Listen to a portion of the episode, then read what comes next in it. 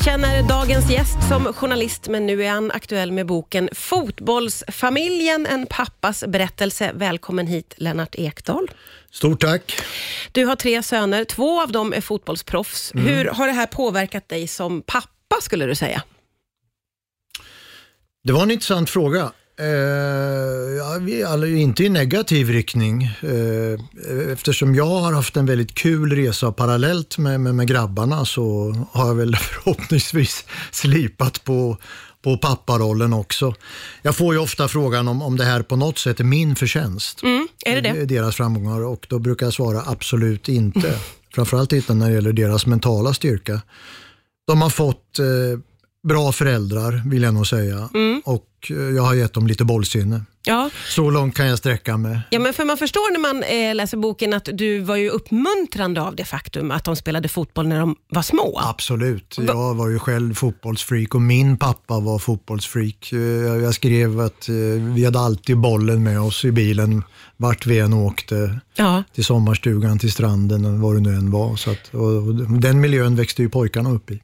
F- vad fanns det för förhoppningar kring deras fotboll när de var små då? Nej men alltså det har man ju inte. Det blir, det blir som det blir. De, de gick ju väldigt raskt in i Brommapojkarnas första lag som det hette. Och det, det var ju rätt hård konkurrens då eftersom det var hundratals barn naturligtvis som började det spela. Men det föll sig så och för- för Albin var det ju eh, en enorm kickstart. Eh, Han hade en sällan skådad energi redan från, från start. Så hans väg var, var och blev väldigt utstakad tidigt. Hjalmar var ju inte fullt så på och hade andra alternativ och var lite mer en late bloomer som man säger. Mm. Det här är ju, tror jag, många föräldrars dröm. Vad har du fått för reaktioner från andra mammor och pappor genom åren?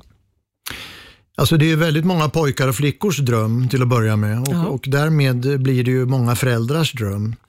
Det är väldigt många pappors dröm kan jag ju meddela eftersom jag har träffat dem ute på kupper ge- genom alla år och eh, en del pappor har ju snarare ställt till det än stöttat. På vilket sätt då, tänker du? Nej, men de har, eh, de har varit överambitiösa. De har eh, gnällt på tränarna att deras grabb, då, för jag har ju varit pojkar i mitt fall, inte har fått spela på rätt plats eller han har inte fått spela för tillräckligt. Alltså de, de har varit skitjobbiga även för sina barn. Och i en del fall har det till och med, skulle jag säga, spolierat grabbarnas karriärer. Mm. Hur, vilken typ av fotbollspappa har du varit genom åren? Jag skulle inte sätta mig på en piedestal på något sätt. Jag, menar, jag hojtade och, och tjoade precis som alla andra, men jag var ju inte bindgalen på något sätt. Att, eh, huvudsakligen har jag nog ändå varit stöttande och framförallt har ju Malin då, med min fru och pojkarnas mamma varit väldigt stöttande. Eh, du- skriver ju om din fru Malin i ett kapitel i boken. Jag tänker vi pratar vidare om det strax här på Rix FM. Riks FM. Ja, det är Lennart Ekdal som gästar idag. Han är aktuell med boken Fotbollsfamiljen, en pappas berättelse. Och eh, även om det är en pappas berättelse så är det ett av kapitlen i boken som heter Mamma Malin, där du lite grann intervjuar din fru, upplever jag. Eh, vad ville du lyfta fram med det här kapitlet? Jag ville väl lyfta fram att, eh, eller leva upp till begreppet fotbollsfamiljen till att börja med. Där vi ju alla har eh, haft en roll. Även storebror Joel som ju själv var, var, var duktig bollspelare och, och som verkligen stöttade Albin under en, en, eh, ett ganska tufft år när han var sen i puberteten och, och tappade sitt försprång.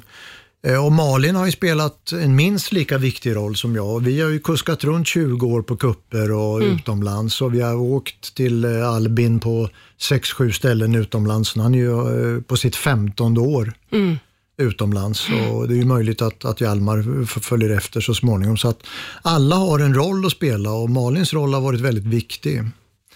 Eh, Hon har varit mer, så att säga, kanske inte fullt så fotbollsinriktad som jag, utan mer med hur mår de inriktad. Väl så viktig roll. Ja, och hon har, hon har stöttat dem i precis i alla väder, vilket de känner och är väldigt tacksamma för. Så att, eh, hennes roll har varit viktig. Jag tror också, jag berättar att allt det här har, har givit vår familj en väldigt speciell dimension. Mm. Kan du liksom sätta ord på den dimensionen?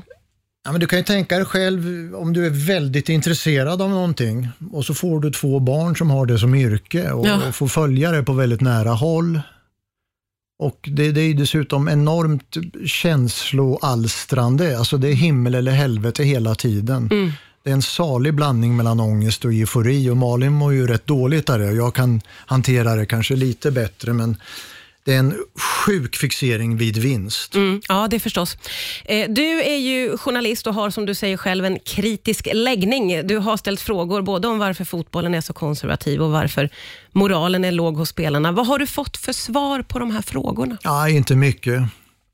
Jag är rätt förvånad över och några andra med mig att det inte pratas mer om hur destruktiv fotbollen faktiskt är och hur lite och vilken liten reformvilja det finns att, att förändra det här. Det finns en rad enkla åtgärder som skulle göra fotbollen mer attraktiv och eh, mindre destruktiv. Jag använder faktiskt det ordet. Ja, vad har du sett för sidor som är så pass destruktiva som du pratar om? Ja, men alltså, det finns inga ambitioner att, att beivra maskning till exempel. Om ett lag leder med 1-0 och det är 10 minuter kvar så är det väldigt tråkigt att titta. Mm. Därför att ett lag kan då söla med precis varenda moment. Inkast, frisparkar, byten, inte minst att man ligger ner oavbrutet på marken och håller sig för, för huvudet efter simulerad skada i, många fall. Och varför låter man sånt här pågå? Ja, det är en jättebra fråga. Ja, du, du får inga svar. Nej, det kan, eh, men jag kan ju nämna då att Sveriges mest meriterade domare, Jonas Eriksson, håller med mig på precis varenda kritisk punkt. Mm, mm. Och Det tycker jag är ganska intressant. Ja, det är ju anmärkningsvärt. det faktiskt, antyder ju ändå säga. att någonting är sjukt och inte riktigt bra. Ja, verkligen. Vi får prata vidare strax Det tycker här jag. på Rix FM. Det är Lennart Ekdahl som är här och gästar. Han har skrivit boken Fotbollsfamiljen, en pappas berättelse. Och vi var ju inne lite på här att det finns ju, eh, det är inte bara positiva sidor av fotbollen. Eh, och det här eh, att det som du säger kan handla om absolut eu- eufori eller rakt ner i helvetet. Hur har det påverkat dina söner upplever du? Eh, Albin har ju upplevt det mer än Hjalmar som ju hittills har haft en spikrak resa uppåt egentligen. Mm. Dessutom gick det ju skitbra för Djurgården i år med en dundersuccé i Europaspel och, och, och stora silvret i allsvenskan. Mm. Så det har bara varit harmoni. Albin har ju en, en lång erfarenhet av eh, en problemfylld karriär vid, vid sidan om att han också har spelat i alla högsta ligor och varit given i landslaget och sådär. Men det har varit skador och det har varit ångestladdade nedflyttningsstrider ett antal gånger och det, det är klart att man påverkas och mår dåligt faktiskt av det. Eh, både de och vi. När har du varit som mest orolig för dina söner? Eh, nej, det har ju varit i samband med skador. Ja, just det. Eh, och eh, de, eller Albin är det ju framförallt då vid ett, ett par tillfällen har tvingats spela skadad. Mm. Därför att klubben har tvingat ut honom att spela på sprutor. Mm. Och sen har det förvärrats och sen blir det en ond cirkel och sen blir ingenting bra. Mm. Mm. Eh, så att man, man, som jag skriver, man, man, man gläds och delar ångesten med, med, med barnen. Ja, det toppar och så- dalar förstår man Ja, ju. det är väldigt känsloalstrande. Eh, Du nämnde ju det inledningsvis här, att du har ju en tredje son, Joel, som liksom står utanför det Mm. här rampljuset. Hur har det varit då, för honom och för er? Nej, men han säger att han, eh, han har ju också varit med, alltså hans resa har också varit ganska kul, framförallt när han var yngre naturligtvis. Jag menar nu är han ju inte med. Eh, nu har han ju fått egna barn och, och, och så vidare, men han kände nog också att det, eh, jag tror inte han grämde sig så mycket för det, det var inte riktigt hans grej att, att gå in i en sån här eh, karriär. Mm. Eh, och sen säger han ju två saker. Han delar eh, min kritik när det gäller fotbollens kommersialisering och en del trista inslag, vilket gör att intresset har dalat. Samtidigt så pekar han ju på att tillvaron som sådan Mm. är ju ganska glassig Mm. Mm. och väldigt lönsam. Ja, just det. Ja, det är verkligen. som Hjalmar säger, pappa det här är inget arbete, det är en kul syssla. Mm. Och så får de ohyggligt bra betalt dessutom. Så att just på yrk, själva yrkeslivet kan ju Joel känna en viss avundsjuka, men, men inte på grabbarnas framgångar. Nej. Eh, Varför ville du skriva den här boken, Lennart? Därför att precis alla är intresserade av fotboll. Fotboll är den största kulturella företeelse vi har, kanske vår största gemensamma nämnare tror jag till och med. Och jag märker ju på alla frågor jag får om killarna. Jag var ju en gång i tiden en känd tv-profil. Mm. Men det klingade av väldigt snabbt och förbyttes väldigt snabbt till först Albins pappa och nu till Hjalmars ja. Eh, pappa. Så jag, jag möter ju folk på stan som Tack ska du ha för att Hjalmar spelar i Djurgården. Alltså det är väldigt vanligt. Och jag, det har ju slagit mig att det här enorma intresset eh, och min position då med, med ändå två killar som källor och, mm. och att jag ändå är engagerad och rätt kunnig tycker jag ju själv. Mm, mm.